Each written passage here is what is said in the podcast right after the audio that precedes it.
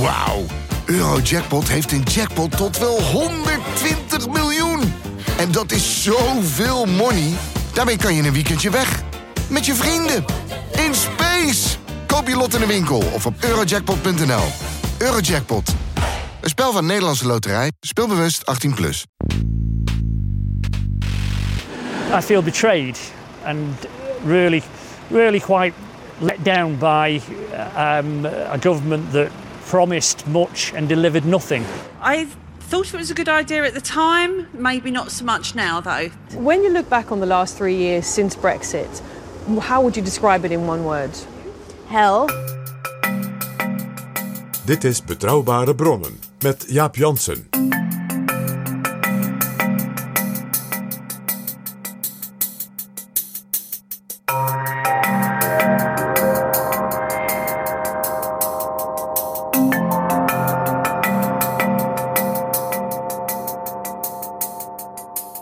Welkom in Betrouwbare Bronnen, aflevering 328. En welkom ook PG. Dag Jaap. PG, aan het begin van deze aflevering hoorden we een aantal doorsnee Britten. Mensen die vaak voor Brexit hebben gestemd, ruim zes jaar geleden, maar daar nu niet zo blij mee, zijn. Nee, het woord van het jaar uh, op dit moment bij de Britten is regret. Een combinatie van Brexit en regret. Precies. Het blad van de economische elite in het Verenigd Koninkrijk en eigenlijk wel wereldwijd, The Economist, had in het eerste nummer van dit jaar een terugblik, maar vooral ook een vooruitblik van ja, we hebben nu die Brexit. Hoe kunnen wij weer een goede relatie met Europa opbouwen, was de vraag. En in het commentaar schreef The Economist: For Remainers, realism means putting aside ideas of rejoining the bloc. Dus dat is hun realisme. Voorlopig gaan we niet terug in de Europese Unie. Maar, if the Economist had a magic wand, it would gladly turn back the clock to 2016, when Britain enjoyed a privileged status as an influential EU member with a host of opt-outs. Met andere woorden, ook zij hebben spijt. Dus zowel Jan met de pet denkt: wat hebben we gedaan, als de elite. Er was onlangs in Newsnight een soort town hall meeting met allerlei Britten. Opgenomen zeg maar, in de buurt of in het dorpje, stadje. dat het meest dicht bij de uitslag van heel Engeland kwam. Ja, 52% voor, 48% tegen. 52% voor Brexit en 48% voor. we moeten er maar beter in blijven. Ja. En dat was echt onthutsend. Daar waren dus uh, mensen uit alle delen van de samenleving, zeg maar, van de bakker tot en met iemand die een, een, een, een exportbedrijf had, tot de, zeg maar, de onderwijzeres. Uh, tot uh, een huismoeder en nou ja, vul maar in, een vrachtwagenchauffeur. En die dus allemaal zeiden: ja, in mijn deel van de samenleving en de economie is het echt hopeloos veel slechter geworden. En allemaal. Dus op een bepaald moment zei ze tegen maar: oh, bij u dus ook. Oh, bij u, zo, u dus ook. Er was eigenlijk bijna niemand die zei: nou ja, dat is toch wel een pluspunt gebleken. Ja, toch zijn er nog wel politici die hun kop in het zand steken. Bijvoorbeeld Prime Minister Rishi Sunak. Now, I voted for Brexit. I believe in Brexit. And I know that Brexit can deliver, and is already delivering, enormous benefits and opportunities for the country. Let me be unequivocal about this. Uh, under my leadership, the United Kingdom will not pursue any relationship with Europe that relies on alignment with EU laws. Ja, hij moet wel, Jaap. Hij moet wel, als natuurlijk aanvoerder van de Tory-partij, waar hij natuurlijk een, een, een, een, zeg maar een Brexiteer anti-Europese vleugel heeft, die hem toch al natuurlijk uh, wantrouwde, uh, ook al bij de verkiezing van uh, de nieuwe Tory-leider die dan ook premier zou worden. Dus hij moet dit soort dingen wel zeggen. Tegelijkertijd, ja, het is bijna cynisch. Als dit is dus wat Brexit delivers voor de Britten, uh, ja, dan is het wel heel treurig voor ze. In kringen van de conservatieve partij vrezen ze dat er een ramp aanstaande is, zoals in 1997, toen Tony Blair plotseling met een landslide de verkiezingen won. Uh, als je nu de, de peilingen ziet, uh, ja, dan, dan zijn het echt ongelooflijke getallen. En uh, ja, die kansen voor Labour die worden alleen maar groter. Nu natuurlijk in Schotland de First Minister haar aftreden heeft aangekondigd. Want zij had in recente verkiezingen heel veel Labour-kiezers naar haar eigen Scottish Nationalist Party toegetrokken. Dus eigenlijk staan alle seinen op groen voor Labour. Maar ook Labour waakt ervoor zich te branden aan de Brexit-kwestie. Daar zeggen ze ook niet al te veel over. Nou, wat de Labour-leider Keir Starmer doet, is politiek uitermate behendig. Hij zegt dus niet dat is een grote fout geweest. En dat was natuurlijk een fout van Boris Johnson en van de, de Leave-campagne. Ze hebben gelogen en die Farage is natuurlijk allemaal waar, maar dat zegt hij niet. Hij zegt: het Britse volk heeft gekozen. Het is doorgevoerd. Ik ga, als ik premier word, niet die klok terugdraaien à la The Economist. Ik accepteer dat dat een feit is. I've said on a number of occasions um, that we are not going back um, to the EU, and that means not going back into the single market or the customs union. Wat ik wel wil, is zeer goede verstandhouding met onze Europese partners. Om te kijken of we de wel zeer negatieve, bureaucratische, verlammende aspecten van Brexit niet veel soepeler en handiger en praktischer kunnen doen. We have to make Brexit work. The deal this government has got us is not working well. It's holding business back, it's holding growth back. And there are things that we need to do to address it. Some of them we could start straight away. The protocol in Northern Ireland needs a pragmatic answer. And I think I've talked to businesses in Northern Ireland. They have pragmatic approaches to how we could deal with the protocol in Northern Ireland. We need to reduce trade barriers by being clear that we want high standards. There isn't a conflict there. There's something we can build on. We need to share more when it comes to education and research, um, and scientific research in particular. I think there's much more we can do in the security space. If you look particularly at the response uh, to the Ukraine crisis and the way NATO and the EU have worked together. So I do think um, that we can have a better Brexit. I think that we have to make Brexit work. And I think what's happened so far has been uh, a government that simply said the words get Brexit done and put in place a deal which um, I think most people in this room would say is not working well for business, is not working well for exports, is not working well for growth. Wat hij daarmee dus doet, is dat hij tegen de Labour-aanhang, die toen ook voor Brexit stemde. En die dus bij die verkiezingen daarna overstapte naar Boris Johnson. Hè, die zei: Get Brexit done.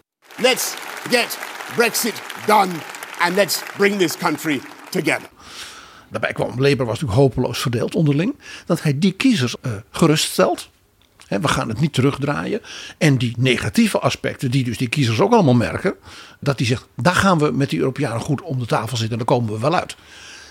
Waarmee hij natuurlijk ook voor Rishi Sunak weer ingewikkeld maakt. Want als hij zegt dat wil ik niet, nee wij blijven stoer. Dan zegt hij oh, dus als u op de Tory stemt, dan houdt u dus al die nadelen. Met mij, we houden brexit zoals het is, maar we gaan al die nadelen wegnemen. En de Europeanen zijn daar vast toe bereid. Ja, a Brexit that works. Heel slim dus. Je moet dat heel erg zien ook als binnenlands politieke tactiek.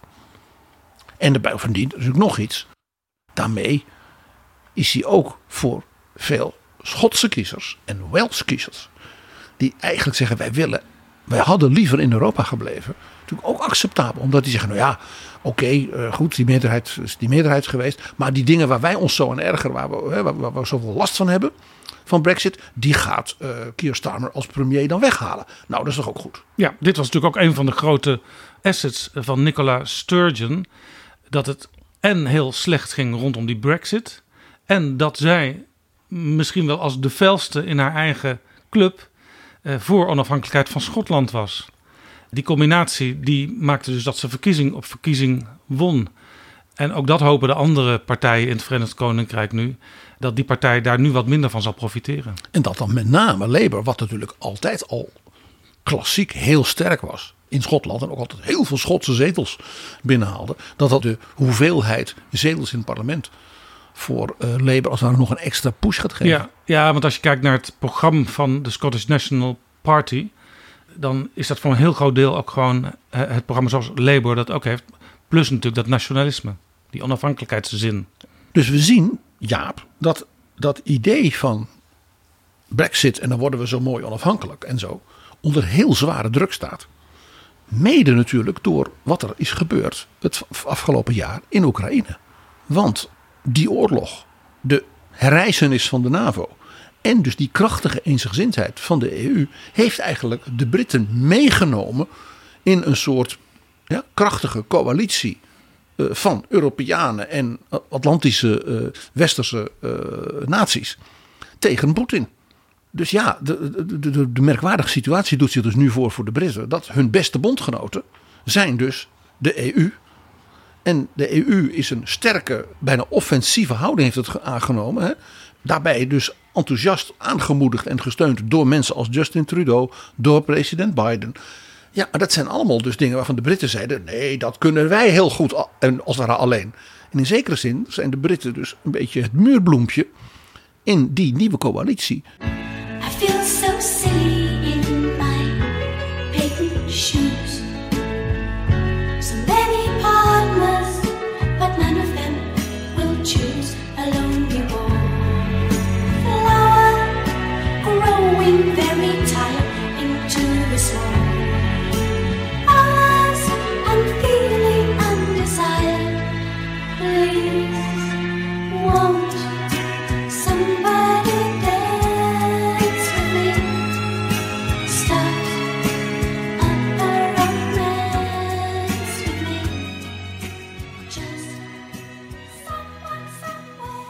je zag dus ook dat Boris Johnson met name eh, zich enorm ging profileren door voortdurend weer naar Kiev te gaan. Om natuurlijk te vertellen, we gaan nog meer voor jullie doen en we gaan nog meer voor jullie doen. Ook om zich op die manier een beetje in de kijker te spelen. Ja, het was ook niet voor niks natuurlijk dat Liz Truss als een van de weinige dingen die zij als prime minister heeft eh, gedaan, het aansluiten van het Verenigd Koninkrijk bij de Europese politieke gemeenschap heeft geregeld. Ook dat is een heel opmerkelijk signaal. Waarbij ze in feite aangeven van ja, we moeten eigenlijk in die bredere coalitie rondom die EU, die ook zo krachtig en eensgezind optreedt en daarbij met dus de steun van dus, eh, nou ja, ook Australië, Nieuw-Zeeland, eh, Canada, al die zeg maar, typische eh, grote Commonwealth landen, die zeggen allemaal hup Ursula. Ja, dat is toch een beetje ont- ontregelend voor de Britten. En zeker natuurlijk voor zo'n slaablaadje als Liz Truss. Ja, Nou, wat je dus ziet is dat het omgekeerde eigenlijk is gebeurd. Van wat men claimde en ook wel beloofde. Wat Brexit zou doen, ook buiten het Verenigd Koninkrijk. Want wat was toch het verhaal? Wat hebben die Britten dat toch goed gedaan met die Brexit? Hè? Take back control, soevereiniteit. Eh, dit is een, de eerste stap van een triomf van allemaal soevereine natiestaten die dat verschrikkelijke Brussel wel eens even een hè, poepie zullen laten ruiken. En eh, die EU die gaat uit elkaar vallen. En eh, nou, kijk maar eens wat er sindsdien gebeurd is. laten we het hierover gaan hebben, PG. Af en toe hoor je in betrouwbare bronnen een advertentie, maar vaak ook niet. En dat is jammer, want we hebben graag meer adverteerders. Want ook daarmee houden we betrouwbare bronnen online. En als jij nou werkt bij een organisatie of een bedrijf waarvoor het misschien best nuttig kan zijn om bij ons te adverteren, neem dan contact op. En je bereikt via betrouwbare bronnen heel veel jonge mensen. Met grote maatschappelijke politieke belangstelling. En natuurlijk de decision makers van Nederland en in Brussel. Stuur een mailtje aan adverteren.daganacht.nl en dan neemt de reclameafdeling van Betrouwbare Bronnen, ja ja, neemt dan contact met je op. Adverteren,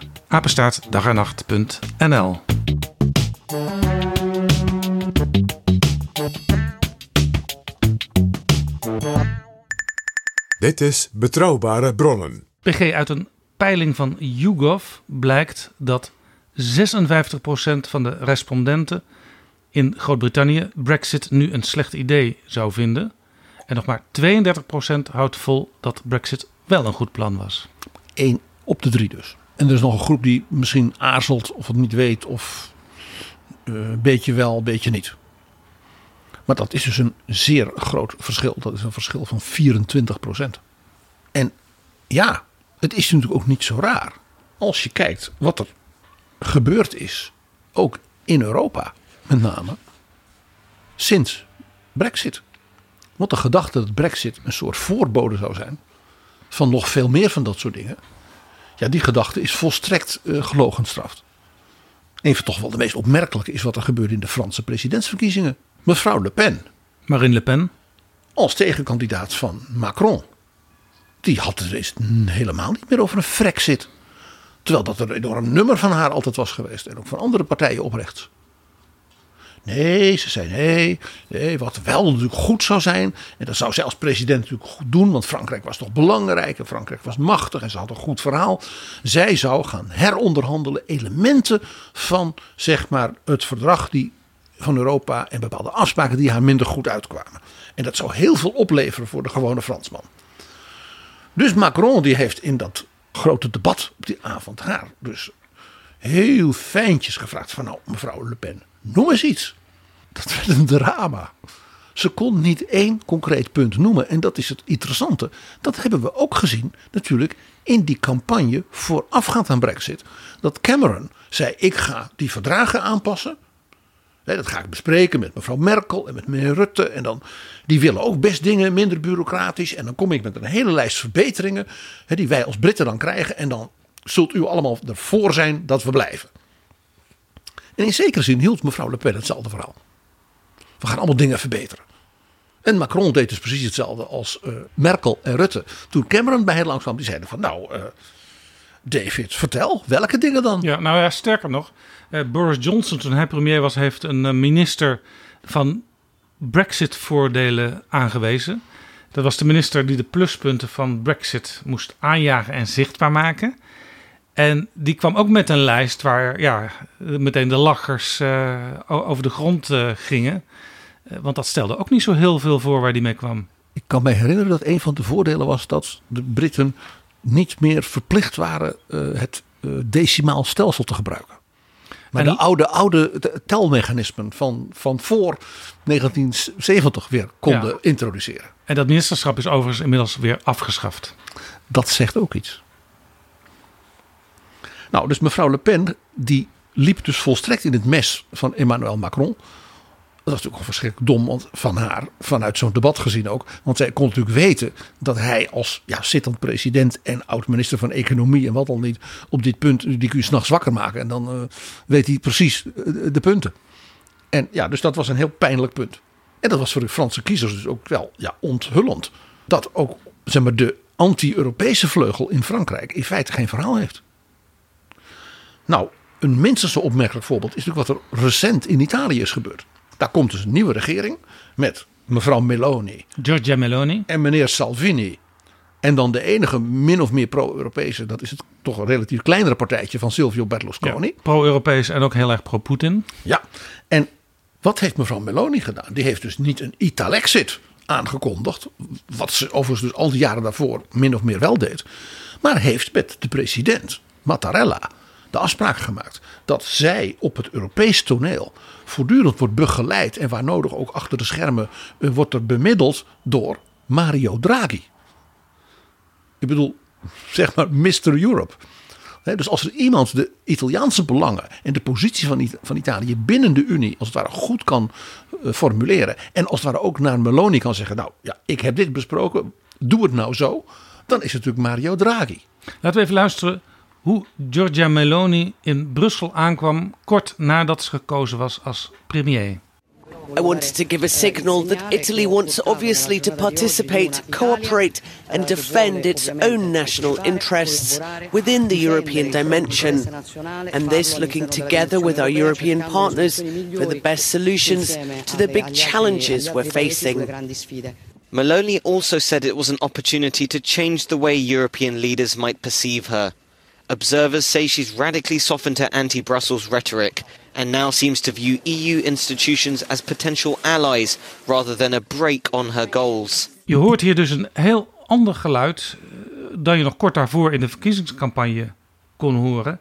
En de Italiaanse kiezers waarderen haar hiervoor, want haar partij is inmiddels gestegen van 26% bij de verkiezingen naar 30% nu.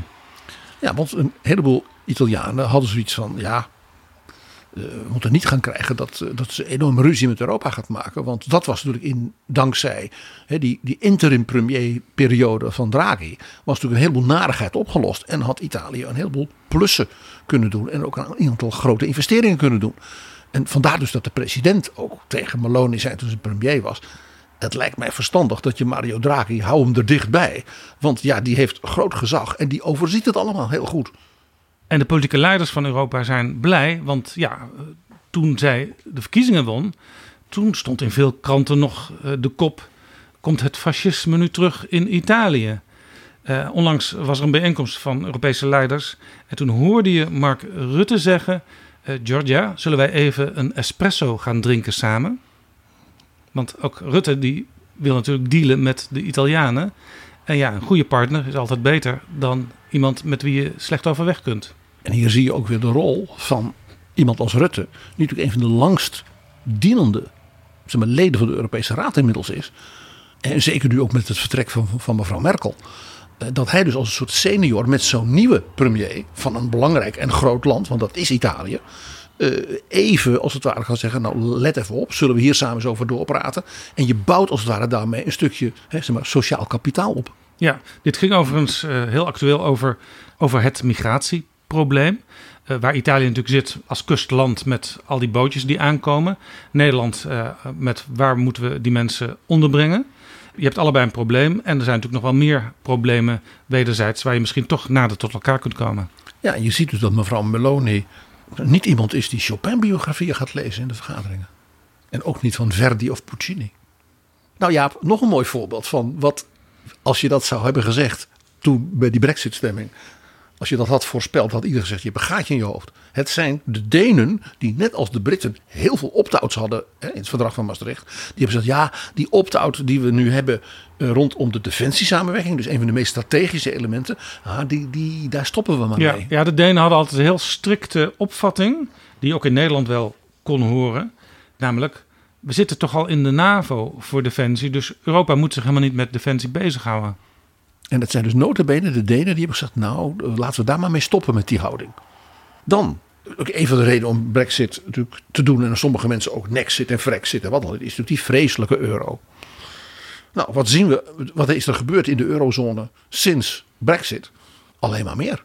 Baltische landen, nu zeer recent Kroatië, dat het echt als een soort nationaal feest heeft gevierd. Van wij zitten nu ook in de euro. Dat betekent dus dat onze economie en onze toekomst en natuurlijk ook onze nou, zeggen, de, de, de, ons monetair beleid dus zo gewaardeerd wordt, blijkbaar, elders. En we doen het zo goed dat we daarin mee kunnen doen. Ja. Dat is voor zo'n relatief klein land en een kleine economie op de Balkan natuurlijk een enorme plus. Ja, over een kleine tip. Mocht je nog denken, wat ga ik van de zomer doen? Ga dan naar het Verenigd Koninkrijk, want je krijgt veel meer waar voor je euro. Met dank aan het eh, wegzakken van het pond bedoel je? Precies. Nou, wat we ook zien, Denk eens even aan Polen en Hongarije. daar werd vaak gezegd, ja, die zijn kritisch en die tasten hun rechtsstaat aan. En hun Grexit werd ook nog genoemd. Nou, helemaal niet meer. Sterker nog, zowel de Polen als de Hongaren hebben vanwege dus de druk vanuit de Unie, ook vanuit het Europees Parlement, gezegd: ja, die hervormingen van ons justitiebestel. Oké, ja, we, zullen wel naar jullie luisteren. Ze doen natuurlijk niet alles. Het is een voortdurend getouwtrek. Maar het meest interessante is dat ze wel zoiets hebben van: we moeten wel proberen zo te doen. dat we eh, in Brussel niet op de beklaagde bankje zitten. Dus in plaats van een soort uh, nog meer take-back control, dat zelfs de Polen en de Hongaren zoiets hebben zeggen: Nou, we moeten dit wel zo doen dat we nog, nog steeds met elkaar door één deur kunnen in Europa. Nou, dan zijn er natuurlijk, mede door uh, het voorbije jaar en alle grote uh, crises op wereldtoneel, natuurlijk een hele serie weer nieuwe Europese initiatieven. Waar de Britten dus niet aan meedoen. En dat varieert van uh, grote investerings initiatieven op het gebied van klimaat en energie. Maar denk ook eens aan hè, een soort de energieunie die feitelijk nu uh, in de maak is. De bankenunie die verder wordt uitgebouwd. Ook ter ondersteuning nog weer van de monetaire unie. En natuurlijk alles wat er gebeurt, hè, zie de Denen op het gebied van defensie en ook op het gebied op cybersecurity. Hè, wat ja. je ook niet meer nationaal kunt doen. Nee, interessant, want een aantal dingen die jij hier noemt, die heb ik een paar keer besproken, ook in betrouwbare bronnen, met de vorige ambassadeur van het Verenigd Koninkrijk in Den Haag. Die was de gast in betrouwbare bronnen. En die vertelde altijd, ja, op het gebied van klimaat zijn wij eigenlijk uh, al verder dan de rest van Europa. En zij hadden ons dus nu ook ja, kunnen helpen en stimuleren. En we hadden elkaar verder kunnen helpen, denk ik dan. En hij was natuurlijk betrokken destijds uh, als je het over cyber hebt, bij de strijd tegen cyberwarfare met Rusland, bij het oprollen van die Russische spionnen eh, bij de Organisatie voor de Bestrijding van Chemische Wapens in Den Haag. Ja, ongeveer bij de, de, parkeerplaats voor mijn appartement, ja. Kortom, genoeg redenen achteraf gezien om nooit met die brexit te beginnen voor de Britten. Nou ja, en vooral dat je dus ziet dat op eigenlijk alle terreinen, ondanks brexit, dus Europa helemaal niet eh, als het ware in de greep kwam van nog meer exits. Integendeel, ondanks de grote economische crisis, ondanks de coronacrisis en ondanks nu ook de oorlog op ons continent. Sterker nog, jij wees er al op, Europa heeft zelfs nieuwe brede samenwerkingsstructuren in ontwikkeling, zoals die Europese politieke gemeenschap. En ja, Liz Truss die riep onmiddellijk: mogen wij meedoen? Sterker nog, ze wou zelfs de eerste vergadering daarvan in het Verenigd Koninkrijk hebben. Toen heeft men in Praag gezegd: Nou, Liz, hartstikke leuk, maar we gaan eerst naar Chisinau in Moldavië. Om die mensen een enorm uh, ja, hart onder de riem te steken. Heel verstandig natuurlijk. En daarna, dus dat wordt interessant. De tweede helft van dit jaar zal dus die bijeenkomst zijn in het Verenigd Koninkrijk. En we weten nog niet waar. Dus het zou best kunnen zijn dat Rishi Sunak bijvoorbeeld zegt: we doen dat in Edinburgh. Dat hij bewust een, een van de andere onderdelen dan van het Koninkrijk gebruikt. Dan het Engelse deel of Londen. Want ook, ook dat is natuurlijk altijd een hele politieke beslissing. Maar het is heel opmerkelijk dat de Britten als heel erg aangaven dat ze een leidende rol wilden spelen in die nieuwe samenwerkingsvorm. Komisch was overigens dat toen het werd afgesproken met Liz Truss, oké, wij gaan dat doen bij jullie. Uh, al veel betrokkenen het idee hadden, waarschijnlijk niet onder jouw leiderschap. Uh, dat voorgevoel dat was natuurlijk niet helemaal ongegrond. En we zien ook hier in ons eigen land uh, toch mensen die heel veel kaantjes hebben gebraad uit anti-Europese verhalen en Nexit-pleidooien. Ik denk aan bijvoorbeeld iemand als Dirk-Jan Epping. Die hoor je er niet meer over. Ja, ze zijn al wel eurosceptisch en het kan allemaal wel minder en allemaal dit en dat. Maar als je ze dus herinnert. Maar u wou er toch uit? Nou, ja, nou, nee, ja, nee, misverstand. Dus dat hele idee dat Brexit een soort doorbraak zou zijn van euroskepsis en en erger dan dat. En de EU zou ondermijnen daardoor. Het omgekeerde is gebeurd. Misschien is het wel leuk om een bejaarde Brit hier nog even over te laten reflecteren. Namelijk de vader van Boris Johnson. Ja, ja dit heeft hij onlangs gezegd. Luister naar de vader van Boris. The reason we have Brexit at all is because it was a cunning plot by the Russians to destabilize for a maximum uh, period, to a maximum extent, Western democracy. And, and by Jove, have they succeeded. Ja, PG, met dit citaat zijn we eigenlijk weer terug bij de vorige aflevering. Die ging over Europa en Oekraïne en Rusland. De vader van Boris Johnson zegt: ja, dat Brexit, dat was gewoon een truc van Poetin om Europa uit elkaar te spelen. En dat is dan bij ons met dat verdraaide referendum gelukt. En ja, daarna verder niet. Het is wel leuk, ja, misschien om hierbij te releveren, dat Stanley Johnson vorig jaar met groot enthousiasme en zelfs dankbaarheid heeft gemeld dat de Franse regering had bewilligd in zijn verzoek om de Franse nationaliteit te krijgen, zodat hij als EU-burger kon blijven wonen in zijn mooie buitenhuis in Frankrijk. Ja, overigens bij Boris Johnson, de zoon, moet ik altijd als eerste weer denken. Hij was vroeger journalist in Brussel. Ik geloof voor de Daily Telegraph, toch? Ja, voor verschillende media. En er is hij op een gegeven moment zelfs ontslagen. Omdat het toch wel al te gortig werd met al zijn verzonnen verhalen over vierkante bananen en zo. En later werd hij natuurlijk lagerhuislid. Ook nog even burgemeester van Londen geweest. Uh, maar hij was ook columnist voor de Sunday Telegraph. En dan moest hij natuurlijk ook bedenken: wat zal ik gaan schrijven als advies bij dat aanstaande Brexit-referendum? Ben ik voor of ben ik misschien toch als afwegende tegen? Dus steun ik mijn vriend en premier David Cameron. Die dat eh, referendum weliswaar had uitgeschreven, dat maar hij persoonlijk tegen was. Want hij zei, ik en ga... waarschuwde voor rampen die zouden komen. Want hij had gezegd, ik ga zoveel dingen verbeteren hè, in, uh, in afspraak met de Europese leiders. Ja, dat bleek allemaal niet zoveel te zijn, want hij kon niet zoveel melden. Dat maakte dus ook zijn campagne zo zwak. Ja. Of ga ik, dat moet je toch eens een beetje cynisch gezegd. Of dat Boris Johnson nee, ik ga toch liever met Farage en Jeremy Corbyn tegen de EU pleiten. En dan ben ik trouw aan al die mooie verhalen die ik vroeger als uh, roddelsjournalist heb geschreven. Nou, er speelde natuurlijk nog iets heel anders bij Boris Johnson mee. Hij dacht ook, wat is mijn beste uitgangspositie om ooit zelf premier te worden? En toen heeft hij twee commentaren geschreven, twee columns. Eentje tegen Brexit, eentje voor Brexit. En op het laatste moment heeft hij besloten om die pro-Brexit column toch maar te laten afdrukken. En wat is er gebeurd vervolgens, Jaap? Dit besluit en die campagne, dus de gedachte om als conservatief je eigen premier als het ware in de steek te laten en met Jeremy Corbyn en Farage op één lijn te gaan zitten, dat heeft dus inmiddels vier Tory-premiers politiek de kop gekost.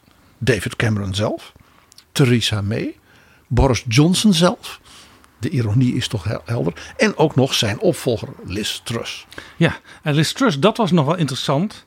Die stelde voor om een heel ander, ja, een vrij hard economisch beleid te gaan voeren. Eh, ten faveur van de mensen die al heel rijk waren. Die zouden nog minder belasting hoeven te betalen. Want als dat gebeurde, dan zou iedereen er uiteindelijk op vooruit gaan. Nou, de financiële markten die, die tuimelden echt in elkaar toen zij haar plannen ontvouwde. En dat was ook mede de reden om heel snel weer van het toneel te verdwijnen. Nou ja, wat hier speelde was dat de Bank of England en andere financiële instituten zeiden van ja, in combinatie met dus die zeer negatieve effecten van Brexit op de, zeg maar, de lange termijn ook welvaart hè, van de Britse economie. En deze eh, ja, wat onbezonnen financiële strategie van de nieuwe eh, chancellor en premier Liz Truss. Die leidt ertoe dat op korte termijn bijna alle pensioenfondsen in Engeland gewoon failliet zijn. Dat was de waarschuwing.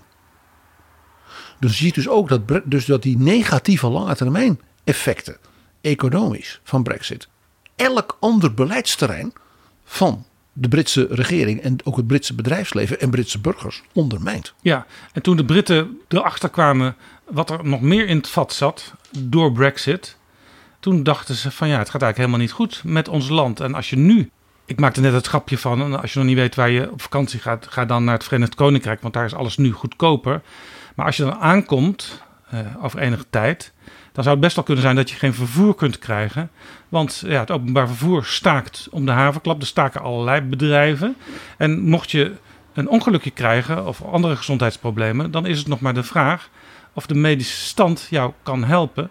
Want er zijn enorme wachtlijsten bij de National Health Service, die er nog veel beroerder voor staat dan de zorg in Nederland, zou je kunnen zeggen. Want in Nederland wordt er al wel geklaagd over te weinig mensen en de mensen die er werken, eh, die zouden meer moeten verdienen. Maar dat is in Groot-Brittannië nog veel extremer. Daarbij speelt dat mede door de zeer ja, chaotische manier waarop men na Brexit is gaan onderhandelen met de EU over onder welke voorwaarden, hè, dus met welke tussenstappen bijvoorbeeld, kunnen we eruit. Wat men zei, dus overgangsperiodes en dergelijke. Dat heette dan de Withdrawal Agreement. Hè, waar mevrouw May zo haar best voor deed. En waarbij ze dus al door de mist in ging in het lagerhuis. The eyes to the right, 202.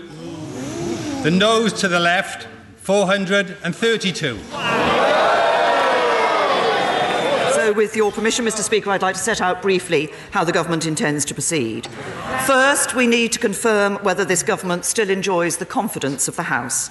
I believe that it does, but given the scale and importance of tonight's vote, it's right that others have the chance to test that question if they wish to do so. Hè, Dus je kreeg uiteindelijk de harde brexit. En wat was het effect? Dat betekent dat EU-burgers die in Groot-Brittannië leefden, volstrekt onzeker waren of ze überhaupt nog zeg maar, legaal hun beroep konden uitoefenen en konden blijven wonen. Het effect daarvan is geweest dat Groot-Brittannië heeft ruim een miljoen EU-burgers gewoon verloren als inwoners. Die hebben gewoon gezegd: ik verhuis, ik ga terug naar nou, mijn eigen land of naar een ander land in Europa waar ik in het bedrijf waar ik zit wel een baan kan krijgen. En die mensen hebben dus hun- letterlijk huis en haard verlaten. Ja. Dat waren dus heel veel artsen, verpleegkundigen, specia- zeg maar, specia- specialisten bij bepaalde ziekten. Maar ook heel veel mensen natuurlijk in de landbouw. Polen, Roemenen, maar ook heel veel ICT'ers. Eh, Heel veel mensen bij de topuniversiteiten en de instituten. Dus dat zijn allemaal precies die terreinen, net als bij ons, waar je zegt, daar hebben we grote tekorten aan hele goede mensen. De Britten hebben dus met Brexit een miljoen van dat soort mensen in feite gewoon weggejaagd. Ja, het gaat heel slecht met de Britse economie. Nou hebben we natuurlijk corona gehad. En het is niet altijd precies te duiden welke tuimeling in de economie waaraan te wijten is. Maar je kunt natuurlijk wel kijken naar de landen die ook uh, ja, corona op visite hebben gehad. Zoals Nederland, zoals Frankrijk. Zoals de hele EU. Zoals Duitsland. Het Verenigd Koninkrijk is het enige land van de G7, dus de grote industriële landen, waarvan de economie nog steeds kleiner is dan voor corona. Al die landen die hebben zich dus, ja, die zijn er weer bovenop gekomen. Sterker nog, die zitten zoals Nederland nu in de plus.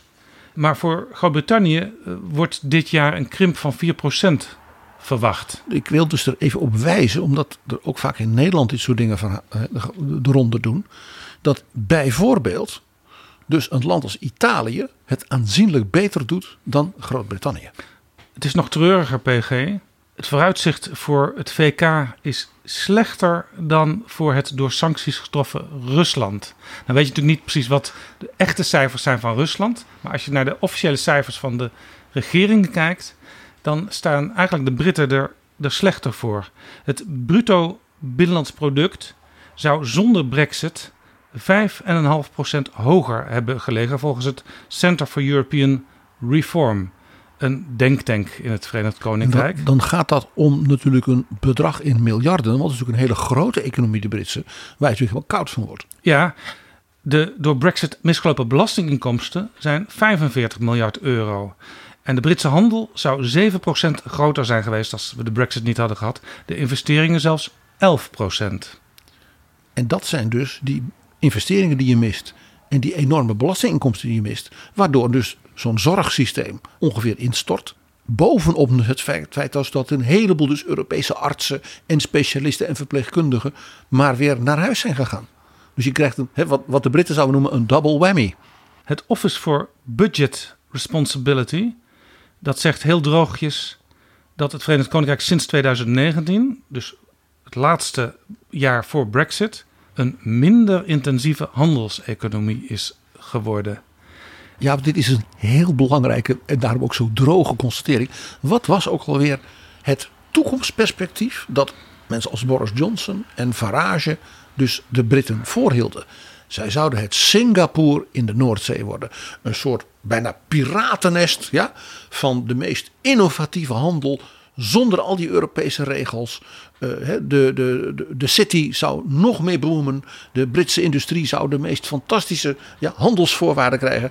Er zou ook geweldige vrijhandelsdeals komen met alle grote economieën in de wereld. Want dat vreselijke Europa, dat deed die onderhandelingen voor alle lidstaten. Nou kunnen we het lekker zelf doen. En wat stel je dus vast? U bent ja, als handelsnatie gewoon aan het wegzakken. Dat is het effect. De London School of Economics and Political Science heeft droogjes vastgesteld dat de invoer sinds Brexit plotseling en aanhoudend met 25% is gedaald. De invoer uit de Europese Unie. Ja, daar ga je dus. Nou, ook een interessant thema is uh, die belofte waar we het net over hadden. Dat de Britten enorm voordeel zouden hebben als belangrijke handelsnatie. Hè, en ook uh, natuurlijk de, de financiële centrum van de city dat eigenlijk alle grote economieën in de wereld zouden opgelucht zouden zeggen: Oh, nu kunnen we zelf met de Britten mooie vrijhandelsverdragen sluiten. En dan hoeft dat niet via, ik zal maar zeggen, Jean-Claude Juncker en Ursula von der Leyen hè, in Brussel. Wat is de werkelijkheid? Nou, de eerste die natuurlijk onmiddellijk begon te roepen was Donald Trump. Die zei: ik, ben, ik, ik vind dat Brexit geweldig, want Nigel Farage is geweldig en Boris Johnson is geweldig. Dat was zijn argument. En hij had geloof ik ook uh, hij vond ook dat Europese uh, milieuregels voor zijn golf resort in Schotland, daar had hij last van. Dat is ook natuurlijk een belangrijk argument. Ja. Maar en dus Trump had beloofd dat hij als president natuurlijk de meest voordelige handelsrelatie met de Britten zou ontwikkelen. Er is zelfs niet een begin gemaakt van een onderhandeling. Ja, nou, en dat over die milieuregels is ook een misverstand. Zoals ik al eerder zei, de Britten waren juist vrij vroeg met strengere regels. Want dat is het interessante van de conservatieve partij daar. Die zijn ook echt conservatief als het gaat om bescherming van het milieu. En in Schotland zijn dat bovendien dingen waar de regering van Nicola Sturgeon over ging. En niet Boris Johnson, maar dit terzijde. En dus dat was het idee. Nou, mevrouw May die dacht ik ga met een aantal ons welgezinde landen eh, dus een gesprek voeren over een nieuw handelsverdrag. En een van de eerste en grote relaties van Engeland is het enorme, sterk economische opgang zijn. De India hè, met zijn nou ja, meer dan een miljard mensen en allemaal Engels sprekende hè, onderzoekers en eh, geleerden en innovatoren. Dus zij komt bij meneer Modi, de premier, die zegt: Ja, mevrouw May, dolgraag een eigen verdrag tussen India en het Verenigd Koninkrijk. Nou hebben wij al zo'n verdrag, namelijk met de Europese Unie. En we hebben dat eens goed bekeken en eigenlijk, u zat daar ook in, in die Europese Unie. Dus dat verdrag, dat heeft u al. Dus Modi heeft voorgesteld om eigenlijk het verdrag van de Europese Unie gewoon te kopiëren. Dus gewoon in het kopieerapparaat te zetten. En in, in plaats van de naam Juncker, de naam mee, als het ware, te zetten en dan te tekenen. Met één klein extraatje. Want er is natuurlijk een hele bijzondere band tussen de Indiase wetenschap en RD en innovatiewereld en Groot-Brittannië, Oxford, Cambridge en dergelijke. Dus hij was bereid dat verdrag wat Engeland dus al had hè, via de EU te continueren onder voorwaarde dat er een volledig vrij verkeer zou zijn voor studenten en onderzoekers, innovatoren en R&D en mensen en ondernemers. Dus dat betekende dat dus mevrouw May kwam terug in Londen met de mededeling. Ja, we krijgen hetzelfde wat we al hadden in de EU, alleen geen take-back control, namelijk, maar in feite volledige vrijheid voor de Indiërs. Ja, ja, migratie was ook natuurlijk een van de dingen waar veel mensen bij dachten. Dat is voor mij een reden om voor Brexit te gaan stemmen. Take back control Nou of is- our own borders. Ja, nou is in het eerste jaar sinds de Brexit de netto migratie drie keer hoger gebleken dan het jaar ervoor. Dus het is helemaal niet afgenomen. Nou ja, het, het, het ging nog gekker. Eh, die samenwerking met Trump, dat bleef natuurlijk getoeter. Want er gebeurde helemaal niets. Meneer Modi, die liet natuurlijk gewoon fijntjes blijken aan de oude koloniale, koloniale mogendheid. Van u bent nu afhankelijk van ons en wij niet van u. Dat, is natuurlijk toch, ja, dat was voor Modi natuurlijk in de binnenlandse politiek natuurlijk geweldig, zou ik maar zeggen, voor zijn aanzien en zijn reputatie. Nou, dan heeft men met Japan gepraat. Japan zei: Ja, eh, wij willen dat heel graag, maar wij zijn in onderhandeling met de EU. Dus als u nou even afwacht, dat heeft voorrang voor ons.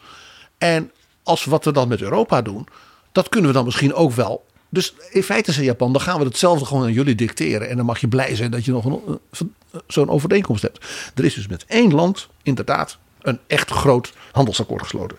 En dat is Nieuw-Zeeland. En dat is geloof ik 0,2% van de handelsrelatie van de Britten. Maar goed, Nieuw-Zeeland is natuurlijk een land met waar ze een eeuwenoude warme band mee hebben. En eh, nou, toen werd dat het verdrag kwam naar buiten. En Jaap, woedende reacties. Met name uit de landbouwsector. Want die was natuurlijk gewend, altijd geweest, aan die Europese bescherming. Juist op het gebied van de landbouwproducten en de afspraken daarover. En de Nieuw-Zeelanders, die hadden gezegd: ja, we gaan nu met de Britten. En die he- hebben dus uitonderhandeld een bijna volledig vrij verkeer van agrarische producten tussen Engeland. Als we gaan praten, gaan we het ook from scratch doen. En dan gaan we het goed doen. Dat zal de redenering zijn geweest. Ja, dus de, de, de Britten die zeiden, ja, dat betekent dus allemaal Nieuw-Zeelands lamsvlees en Nieuw-Zeelandse witte wijn. Dat prachtige Sauvignon Blancs en hè, schitterende Rieslings daar vandaan. Die gaan allemaal met voorrang en met allemaal plussen de Engelse markt op. Dus het meest merkwaardig was dat dus de sector, als het ware, hè, waarvan men zei, dat gaan we nu echt helemaal zelf doen. Die gaat daar enorm van profiteren. Dat die het hardste protesteerde tegen het eerste meer brede vrijhandelsakkoord wat er dan zou komen. Vorige week vroeg Bloomberg, financieel persbureau, aan Kemi Bedenak, de minister voor Internationale Handel. Hoe zit dat eigenlijk met die handelsverdragen die er zouden komen? Nou, zij verwacht met India nog steeds een handelsakkoord. Ik verwacht dat het dit jaar zal lukken, maar ik ga geen deadline hanteren, want we hebben eerder kunstmatige deadlines gesteld en dat heeft de onderhandelingen eerder belemmerd dan geholpen, zei ze. En over een deal met Amerika zegt ze: ja, zij zijn nu meer naar binnen gekeerd als het gaat om wat ze met hun economie willen doen. Dus ja, als zij geen vrijhandelsovereenkomsten willen sluiten met wie dan ook, wij kunnen ze niet dwingen. Ik zou bijna zeggen, Jaap, lees dit toch een keer rustig en langzaam voor. Want dit is natuurlijk dermate onthullend. Zij zijn nu meer naar binnen gekeerd als het gaat om wat ze met hun economie willen doen. Dat was toch juist het idee van de Brexit, dat de Britten weer helemaal naar binnen gekeerd hun eigen ding konden doen. Ja. En een van de dingen die hier speelde in Amerika, waar Trump, toen hij dus zo begon te jubelen, geen idee van had, was dat er een hele belangrijke deel van het congres zei: Nou, wacht even. Trump bleek dus niet te weten dat niet de president dat soort dingen doet, maar het congres. En in het congres was er nu een hele machtige groep, namelijk de Ieren. En de Ierse Amerikanen zijn zeker ook in de Democratische Partij, maar ook in de Republikeinse, een hele machtige lobbygroep. En die hebben gezegd: zolang die Brexit-deal van de Britten het gevaar in zich draagt dat Ierland daarmee dus in de problemen komt en dat dus ook het Ierse vredesakkoord in Noord-Ierland erdoor wordt ondermijnd, zullen wij zelfs het beginnen van onderhandelen voor een vrijhandelsakkoord niet toestaan. En ja, dan kan, dus, eh, dan kan dus een minister van Handel in Amerika hoog of laag springen. Als het congres zegt dat doen we niet. Dan doen we het niet. En de huidige president van de Verenigde Staten, ene Joe Biden, dat is een Ierse katholiek. Ja. En die heeft dus hele warme gevoelens bij Ierland. En helemaal geen warme gevoelens bij Brexit of wat de Britten hebben gedaan. Omdat hij dus zeer goed vanuit ook die Ierse Amerikaanse ja, uh, zeg maar verenigingen. zeer goed geïnformeerd is over hoe, ja, hoe bezorgd de Ieren nog altijd zijn. over de uiteindelijke impact van ja, het nog, ook niet, nog steeds niet echt goed geregelde akkoord rondom de Ierse grens en Noord-Ierland, dat protocol tussen de EU en de Britten. Sterker nog, in de agenda van Joe Biden staat dat hij in april naar het Verenigd Koninkrijk reist voor de 25e verjaardag van het Goede Vrijdagakkoord. En dat is de reden dat Rishi Sunak en zijn mensen op dit moment toch zwaar met Brussel in conclaaf zijn om alsnog iets te regelen. Dus ook dat punt, wat de Britten toen in de campagne zeiden, dat is helemaal, niet, helemaal geen punt. En die Ieren moeten niet zeuren. Hè? Daarvan hebben ze volkomen onderschat wat de impact daarvan was. Het is dus ook niet zo raar dat het woord in Engeland van de voorbije maanden regret was. Je gaf de peiling al aan. En er is uh, zelfs nu nog een extra reden voor Rishi Sunak om maar heel goed na te gaan denken van hoe ga ik dit oplossen voordat Joe landt in Londen. En dat is, er is in Ierland een nieuwe premier. Want men heeft daar een afspraak tussen de coalitiepartners. Dat de eerste helft was de premier van de ene partij. En dan de tweede helft zou de premier van de andere partij zijn. En wie is nu weer terug als premier? De leider van Fine Gael, Leo Varadkar. En dat is de man die eigenlijk aan de wieg staat van wat er nu geregeld is. En dat is de, de jonge uh, premier. Uh, die de beste bondgenoot en praatpaal van Michel Barnier was. In de tijd van de onderhandelingen van het Brexit-akkoord. Ja, en die ook heel blij was met de harde, maar altijd met charme omgeven opstelling van Barnier. Hij was absoluut niet bereid om makkelijk water bij de wijn te doen met de Britten. En die wist het zo met Barnier te bespreken. Dat Barnier precies wist wat hij moest doen. Wat hij wel kon toegeven. Of waar hij wel een suggestie kon doen en wat niet kon. En dat Barnier het ook kon uitleggen aan de rest van de EU. Want niet iedereen is natuurlijk precies al detail geïnformeerd over hoe dat dan zit met Ierland en Noord-Ierland. Maar dat duo, Varadkar-Barnier, dat was eigenlijk het geheim van het succes van die onderhandelingen. Waarmee Barnier dus die, nou ja, de ene Britse onderhandelaar naar de andere. Want die werden voortdurend uitgewisseld na een half jaar. Dan had hij zo'n onderhandelaar zo fijn gemalen, dan kwam er weer een nieuwe. Uh, en het geheim daarvan was dus dat duo. En precies die Varadkar is nu terug. Een soort angstgekner, zoals de Duitsers dat zouden noemen. Ja, in een commissievergadering in het Britse parlement, in het Lagerhuis. Commissie die overigens ging over de relatie met Noord-Ierland. Want men is daar dus nu in het parlement dus ook zo bezorgd over. Dat men als parlement zegt, ja, we, we wachten niet af waar Sunak mee komt. We gaan ons zelf maar eens verdiepen in hoe komen we hieruit? Daar was een week of wat geleden oud-premier John Major te gast. En die zei dit. I don't believe the European Union is perfect or anything like it. Because I negotiated the Maastricht Treaty, the ultra anti Brexiteers regard me as a, uh, a significant Europhile. Um, that's not actually true. I'm a very practical European. There's many things I don't like. But I look at the package and I say, are people in my country better off and safer if we were in the European Union than if we were outside? And I reached the conclusion that we were better off inside. And there is a wider dimension to this. There are three great power blocks in the world today. The United Kingdom is not one of them. Uh, there's uh, America, there's China, and there's the European Union. Europe is going to face immense economic competition from both America and from China. It may face military and security problems with China. Is Europe better able to represent its people with the United Kingdom inside the European Union, making it stronger, or outside, making it weaker? I think not just us, but the whole of Europe is stronger with Britain in it. Dat Sir John Major, zoals hij nu wordt genoemd, dit zegt in zo'n hoorzitting. Dat moet je niet onderschatten, want hij is eigenlijk de voorbije jaren een beetje een soort renaissance heeft hij gekregen in ja, de waardering voor hem. Omdat heel veel Britten zeggen, die John Major dat was een good chap. Die was nuchter. Hij is, het, het is als het ware een soort fatsoenlijke man van het midden. Ja, geen, geen circus, Geen circusartiest zoals Boris Johnson.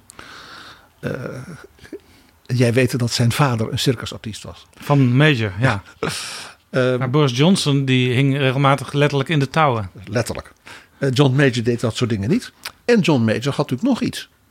John Major was de onderhandelaar, de zeer stevige onderhandelaar, ten opzichte van Mitterrand en Kohl en Lubbers met het verdrag van Maastricht.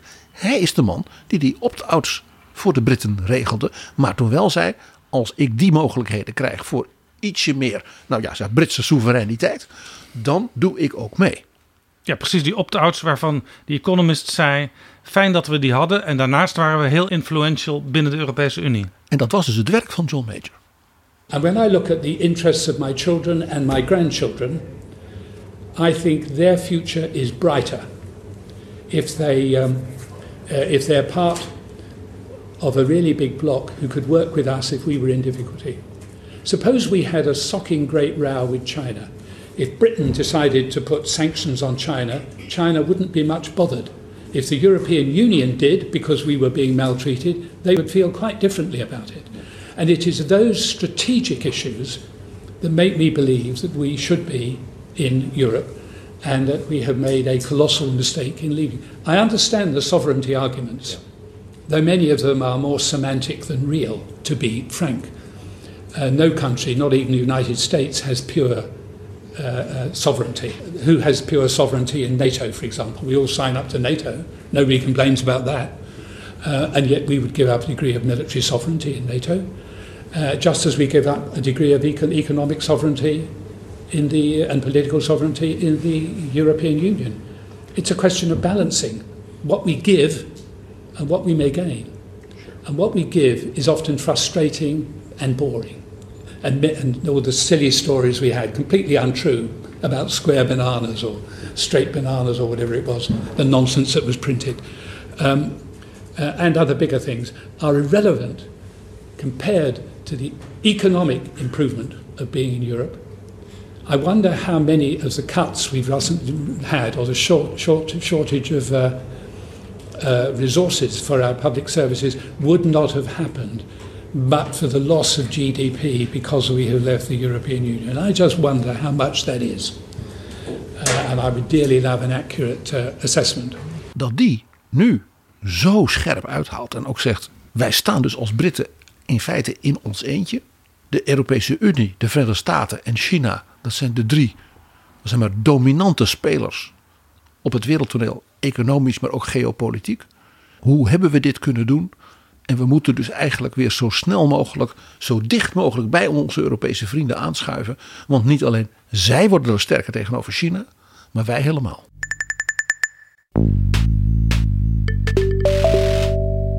Dit is Betrouwbare Bronnen, een podcast met betrouwbare bronnen.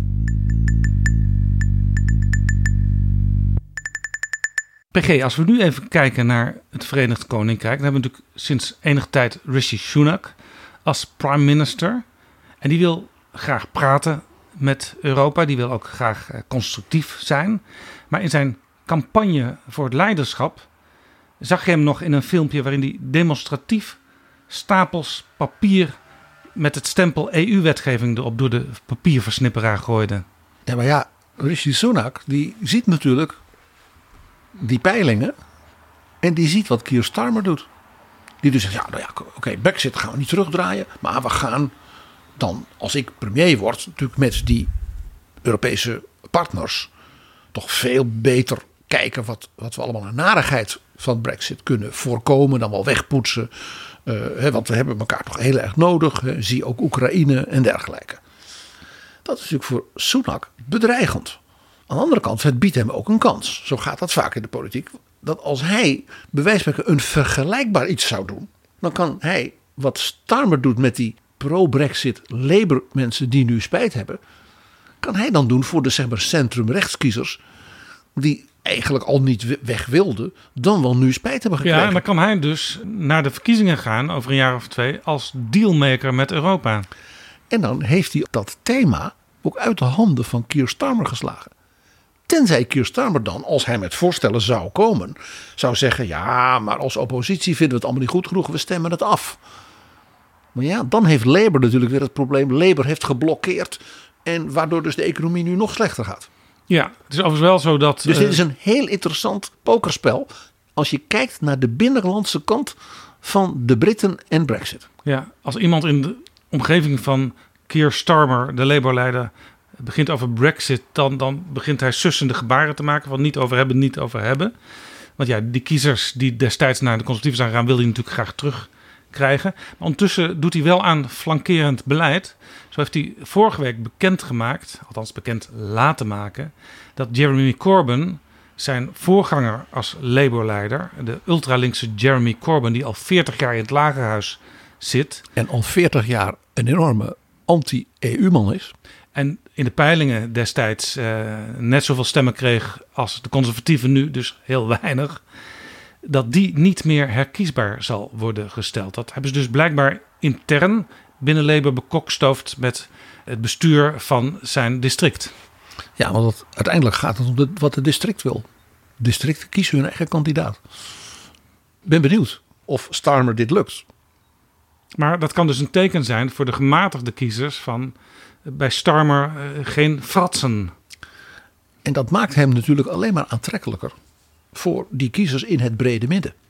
Dus Sunak die gaat misschien wel doen wat Starmer dus doet door te zeggen: ja, dat Brexit, ja, ja, ja er zijn een heleboel minpunten en ik hoor, ik hoor de burgers, ik hoor de bedrijven, ik hoor de Oxford en Cambridge en dat moet toch beter kunnen. En daar moeten we toch met onze Europese partners over praten. We trekken toch ook één lijn bij het steunen van Zelensky. Hè? Zou heel handig zijn van Sunak. En ik heb, Jaap, een signaal waarvan ik denk: ja hoor, dat is hij aan het doen. En dat is iets heel juridisch. Maar soms zijn hele juridische dingen die, waar niemand bij oplet, heel veelzeggend. Ik wou zeggen, misschien is wel iets wat, wat in eerste instantie niet zo opvallend is, maar wat wel vergaande consequenties kan hebben. En dat heeft dit. Er was een rechtszaak lopende van EU-burgers in Groot-Brittannië over dus de volstrekte onzekerheid en de juridische ja, kwestieusheid van hun rechtspositie als inwoner van Groot-Brittannië. Dat wisten dus al een miljoen mensen weg. Die dachten, ik ga dit niet afwachten. Het Hooggerechtshof van Engeland, dat zijn dus de, de, de law lords, die hebben geconcludeerd dat de wet en regelgeving op dat punt, dus op basis van Brexit, in strijd is met de grondwettelijke rechten van deze mensen. Aha. Dus die complete regeling is dus door de law lords geschrapt. Iedereen ging ervan uit dat natuurlijk de regering hier tegen in beroep zou gaan. Want dit is natuurlijk in feite het onttakelen van een van de belangrijkste elementen van Brexit. Namelijk de burgerrechten van EU-burgers in Engeland. En nu is bekend dat de regering niet in hoger beroep zal gaan. Toen ik dat las, dacht ik: wauw. Hiermee accepteert dus het kabinet van Rishi Sunak dat een van de meest ja, ingrijpende, fundamentele aspecten van Brexit gewoon wordt, ja, buiten, buiten werking wordt verklaard. En, en Sunak wil dus ook weer niet dat uh, hij er van de rechter misschien wel uh, van langs krijgt. Nou ja, dat heeft hij dus gekregen. Maar nu kan hij nog zeggen: ja, dat is nog van Theresa May, haar withdrawal agreement. En van Ja. Boris. En hij kan nu nog net doen alsof hij, of dat, ja, dat is van voorheen. Maar als hij nu natuurlijk zou zeggen: ja, ho, wacht even. Of ik ga naar aanleiding van die uitspraak met nieuwe beperkingen en dingen voor die rechten van die EU-burgers in Nederland komen. Dan is hij natuurlijk de, de kwaaie pier. En dit kon dus wel eens een heel opmerkelijk signaal eigenlijk van Sunak zijn. Niet zozeer naar die burgers. Voor wie het natuurlijk een enorme meevaller is. En voor hun gezin en hun bedrijf en wat dan ook. Maar vooral ook een signaal van de regering Sunak naar de Europese regeringen. Want het zijn hun burgers. Beste Mark, die Hollanders in Londen en die Nederlandse hoogleraar aan de Universiteit van Edinburgh, die moeten zich geen zorgen maken. Wij gaan geen rare dingen meer doen. Die fout, die trekken we in. De law lords, dat zijn toch hele wijze mensen. Dat opent als het ware een, ja, een soort deur naar een ander soort gesprek. Nu weten we dat een van de agendapunten van de grote veiligheidsconferentie in München van deze dagen is een bilateraal, want er zijn ook een heleboel bilaterale, van Rishi Sunak met Ursula von der Leyen. En het gerucht gaat, maar een zeer nadrukkelijk gerucht, ook in de serieuze Duitse pers, dat zij eigenlijk er ongeveer uit zijn over hoe dat nou verder moet met dat Ierland-protocol. Dus die positie van Noord-Ierland en die grens van de EU en dus EU-lidstaat Ierland met Groot-Brittannië en die enorme hoeveelheid bureaucratische rompslomp die daardoor is ontstaan. Ja, ik moet altijd heel erg lachen als het er weer over gaat op de BBC en ze het dan hebben over de grens in de Ierse Zee. Dan denk ik van ja, wie ziet ooit die grens? Nou, het hele bedrijfsleven. Iedereen wordt er helemaal gek van. En jij begrijpt dat ik natuurlijk denk, dit is niet helemaal ontkoppeld van de terugkeer van Leo Varadkar. De houding van de EU en van Brussel, hierbij is ook een interessante. Die hebben dus eigenlijk de voorbije tijd al door gezegd, ja, dat is een zaak. Dan moeten de Britten maar onderling tussen Noord-Ierland en Londen. En dan moeten ze maar bellen met Dublin. Dus Brussel heeft zoiets gezegd. We vinden ja, dit is bureaucratische rompslomp. Dat wilden ze zelf. Als we daarvan af willen, dan horen we het wel. Waarbij ze dus al de voortdurend aanstipten. Van, dat is voor ons niet zo relevant. Brexit is voor ons een afgedaan hoofdstuk. So to all Europeans I say it is time to leave Brexit behind. Our future is made in Europe. Kijk, als die Britten er weer op terug willen komen, dan horen we dat wel. Maar die afspraken die, die Barnier toch zo mooi heeft gemaakt, nou, daar kunnen wij prima mee leven. Waarmee dus de prijs natuurlijk door hè, bij iemand als van der Leyen en dus ook Varadkar natuurlijk wordt opgedreven. Ja. Dus het wordt heel spannend. Wat voor soort gesprek Sunak en von der Leyen hebben gevoerd. En ik sluit niet uit, weet je wat ik zo in Brussel rondhoor, is dat men zegt, kijk, von der Leyen staat natuurlijk heel sterk tegenover Rishi Sunak nu. He, ze heeft angstgegner Leo, heeft ze als Ja. het ware in de, heeft ze in de pocket. Sunak heeft ze is, mee. de, Sunak is de vragende partij. Ja, en tegelijkertijd kan ze zeggen: Rishi, we waarderen het zo enorm hoe de Britten met ons samen hè, Volodymyr steunen in Kiev. En we gaan er ook dus nog eens samen heen. Hè, dus zij kan als het ware een soort gebaar naar hem maken. En tegelijkertijd hem ja, dan ook wel min of meer dwingen. Dan ook nu echt te leveren op dit punt. En dan ontstaat natuurlijk van, nou ja, als we dat nou met dat Ierse protocol, als we daar nou gewoon samen uitkomen. Maar PG, Dan kunnen we misschien wel nog wat, wat dingen doen. Ja, maar PG, ik vind het altijd fijn om optimistisch en positief te zijn. Eh, maar als je die conservatieve partij van de Britten eh, door de decennia heen bekijkt, eh, dan zie je dat er toch altijd weer kapers op de kust liggen intern. Die heel erg goed zitten te loeren van hoe ver gaat onze leider en gaat hij misschien toch niet te ver in dat samenwerken met die Europeanen. En jij hebt gezien hoe met name die groep Theresa May in feite gewoon gemangeld heeft. En ook dat die groep niet tot de enthousiaste aanhangers behoorde van Rishi Sunak.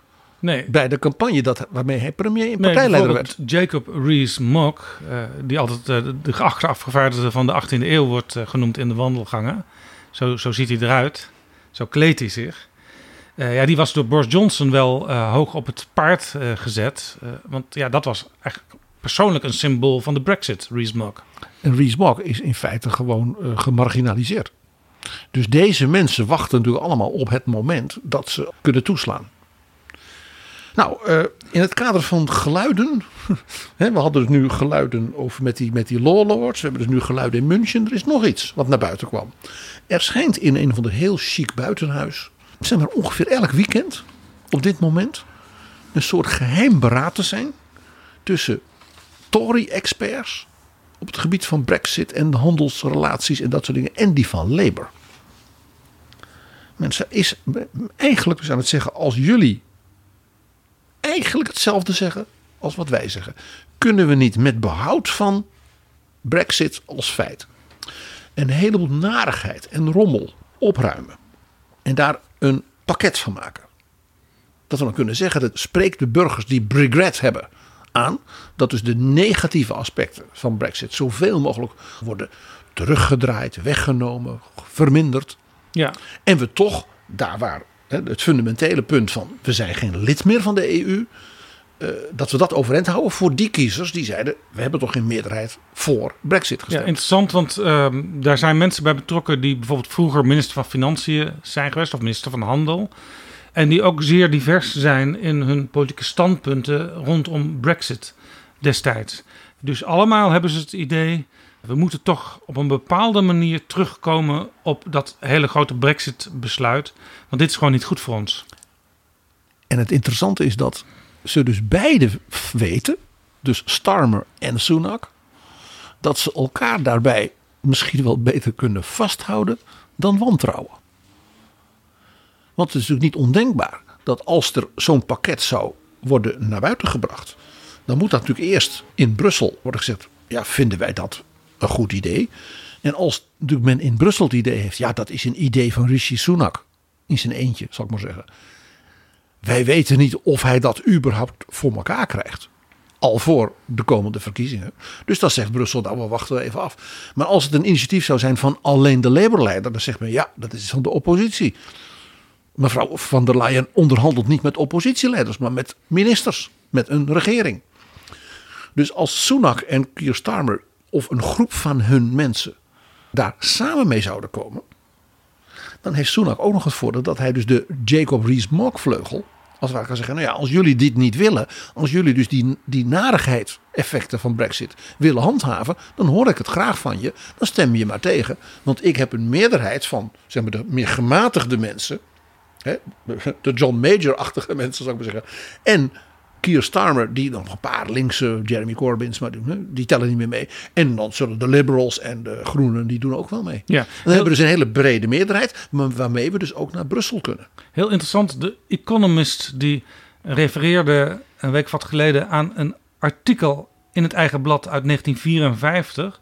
Toen bleken de conservatieven en Labour, die bleken eigenlijk als het ging om financieel-economisch beleid vrij dicht bij elkaar te zitten. was natuurlijk de tijd van de wederopbouw na de Tweede Wereldoorlog. Dus eigenlijk heel veel verschil in de kern van het beleid was er op dat moment niet tussen die twee partijen. En dat ziet de Economist nu ook in 2023 als ze kijken naar Jeremy Hunt, de minister van Financiën van de huidige conservatieve regering, en Rachel Reeves, de shadow chancellor van Labour. De Economist die concludeert zelfs: het beleid is een beetje, gezien de omstandigheden van beide, keine experimenten. Zouden we gaan meemaken, Jaap, dat onder Rishi Sunak en Keir Starmer Konrad Adenauer de echte kanselier van Engeland wordt? Konrad Adenauer, politicus van het jaar. Een beetje zoals Joop den Uyl door Mark Rutte als het uit het graf weer wordt teruggeroepen. Wij weten natuurlijk, ook vanuit dus de interne discussies die naar buiten komen, dat Labour, kijk, als zij het nu de regering zouden vormen, en volgens de peilingen hè, zou dat ook het geval zijn als er nu verkiezingen waren, dan willen zij eigenlijk tegen de EU zeggen van ja, Brexit blijft dan Brexit.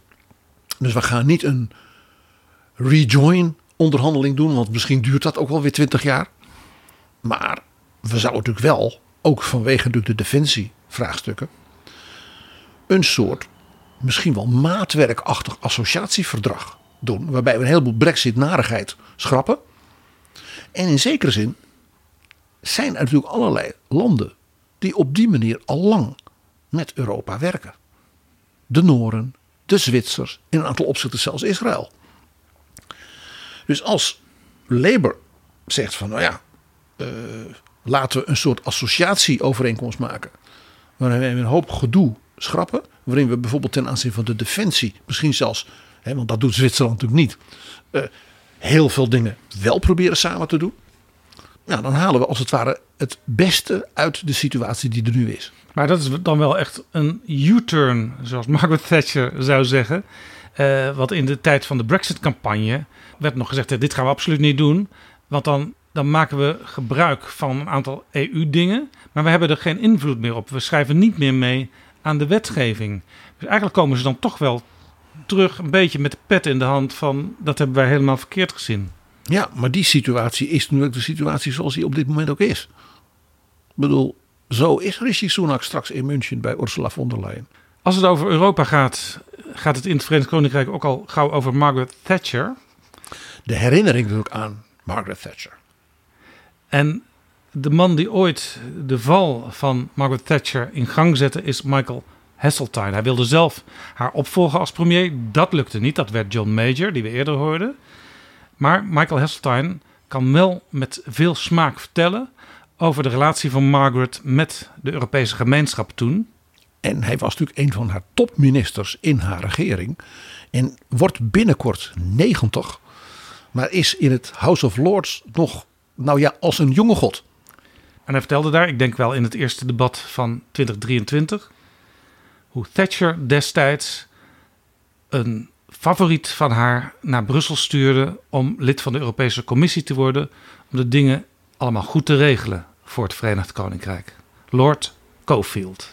I uh, am one of the few surviving members of Margaret Thatcher's first government. And I am amazed to find myself sitting listening to the arguments from the front bench here as to why her greatest achievement should be sacrificed. I remember Arthur Cofield, not perhaps a household name today, but if you look him up in Wikipedia, you will see he's described as the father of the common market. And that is right, because Margaret, not a natural uh, supporter of foreigners, saw, saw very clearly that the mistakes of the common agricultural policy must not be made again. And so she sent Arthur Cofield to Brussels as a commissioner in order to make sure that British self interests were dominant in the negotiations of the single market. The single market, historically, perhaps one of the most extraordinary successful concepts ever developed by humankind. Jaap, wat zegt Michael Heseltine eigenlijk? Die zegt: Margaret hè, was niet bekend omdat ze zo dol was op foreigners. Hè, je hoort dan ook het gelach van de mensen in, het House of Lords. Want iedereen geniet als hij natuurlijk met dat vuur wat hij nog heeft, uh, zo'n verhaal doet. Maar hij zegt: Margaret, die begreep dat als zij in Brussel, in die commissie, met een zeer, zeer, zeer intelligente en slimme onderhandelaar en politicus Engeland laat representeren, dan is dat in het belang, zelfs het nationaal belang van Engeland. En zo'n Europese Commissie, die wordt daar beter van. Je kunt beter hele goede mensen in de Europese Commissie hebben, die, ja, die het leuk vinden om politiek te knokken en iets te bereiken, dan er buiten staan. En in feite zei hij dus, in dat opzicht was Margaret dus een hele goede Europeaan. Zoals we natuurlijk ook weten dat Margaret Thatcher een enorme enthousiaste supporter was van de single market. En van de act uniek, de Single European Act van Jacques Delors. Ik moet ineens weer denken aan de wat jongere Margaret Thatcher. Die op een gegeven moment zelfs een trui aan had, een gebreide trui met alle vlaggen van Europa daarin verwerkt. Dat was in de campagne voor het referendum in 75. Dus Heseltine, wiens bijnaam Tarzan was als minister, die herinnert in feite dus zijn partijgenoten, maar ook met name natuurlijk premier Sunak eraan. Dat hij zegt, als je op een slimme manier weet hoe je in kan stappen, dan is dat in het nationaal belang van de Britten. En uiteindelijk wordt Europa en de Europese samenwerking er ook sterker door. Dus dat is win-win.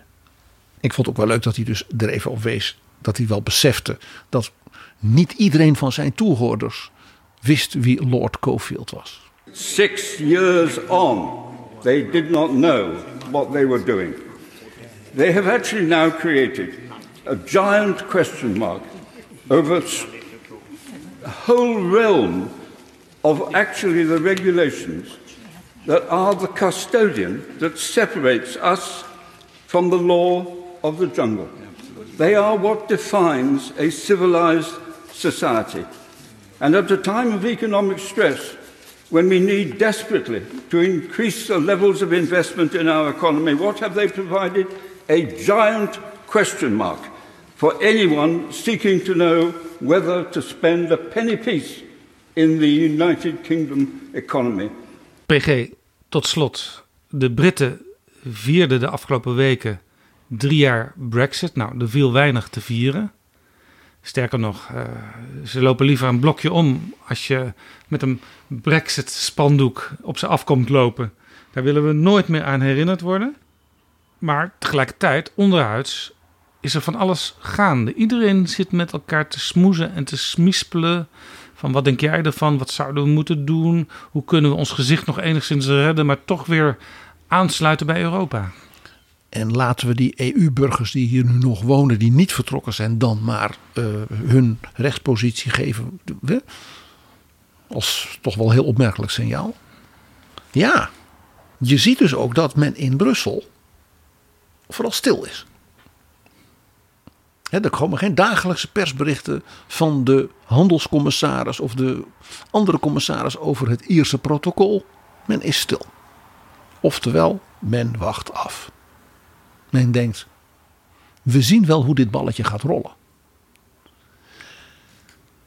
Men zou natuurlijk ook nog iets anders kunnen doen. Als men zegt, wij zien hoe wel, welke kant op gaat. Men zou ook kunnen zeggen, Brussel kan natuurlijk ook de Britten een beetje overrompelen. En dus het initiatief daarbij nemen en houden. Hè, zoals Barnier dat ook zo knap deed. Door een groot gebaar te maken. De Britten zijn, jij zei het al, de vragende partij. Dan is, het, dan is degene die het grote gebaar maakt natuurlijk nog sterker in zijn positie. En er is natuurlijk alle reden toe. Want ten eerste, hè, men kan zeggen, wij waarderen enorm hoe we met de Britten samen optrekken ten gunste van Oekraïne. Dat laat toch zien dat we hele sterke gedeelde belangen en gedeelde waarden hebben.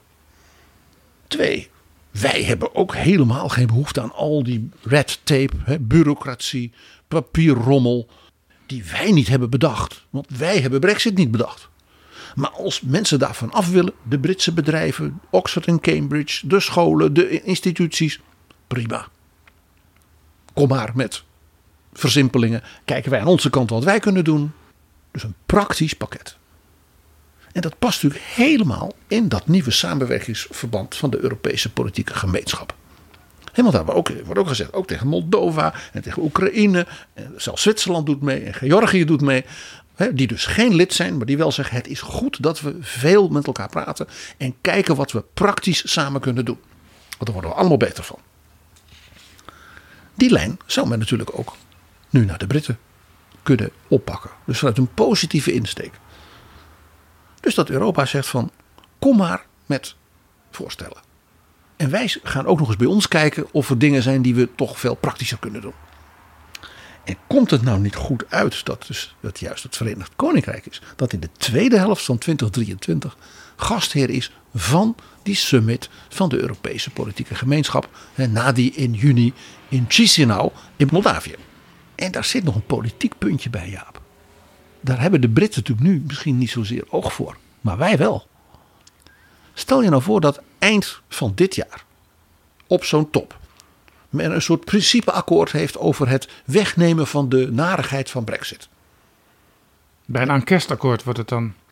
En Leo Varadkar kan zeggen: Ik heb nu ook nog weer dat Noord-Ierland en Ierse protocol de nek om kunnen draaien. Dat is natuurlijk voor hem, ook in het binnenland natuurlijk, dan, dan- schiet je dus 10% omhoog in de peiling, zal ik maar zeggen.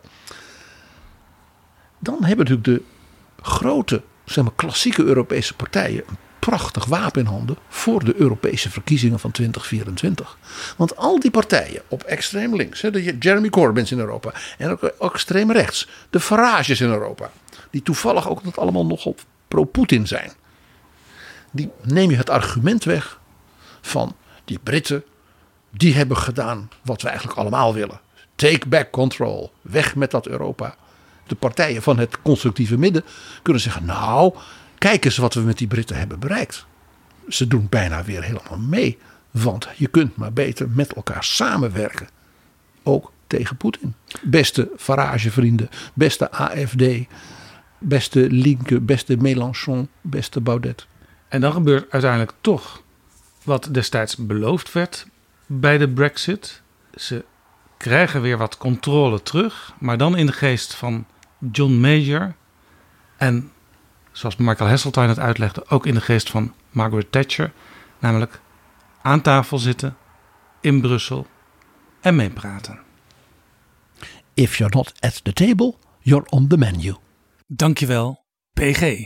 En ze hadden het kunnen weten, de Britten. Luister maar naar wat er werd gezongen in John Oliver Last Week Tonight.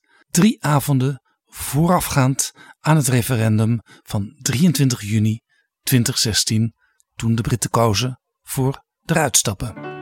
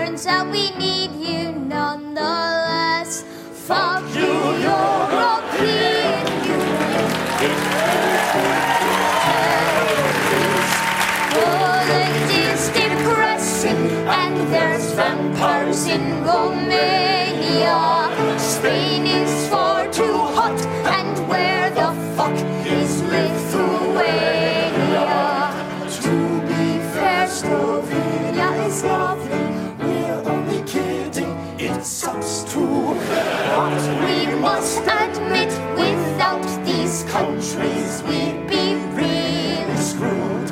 Fuck the European Union, even though we must admit we would all be batshit crazy if we vote for leaving it. We would all be batshit crazy if we vote for leaving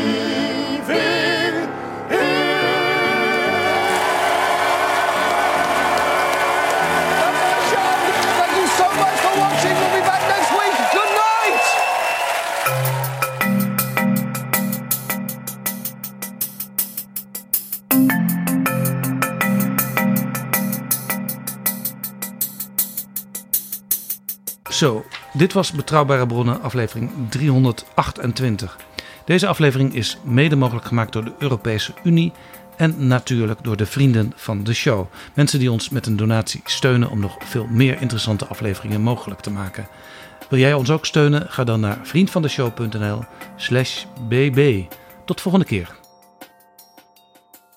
Betrouwbare bronnen wordt gemaakt door Jaap Jansen in samenwerking met dag en nacht.nl.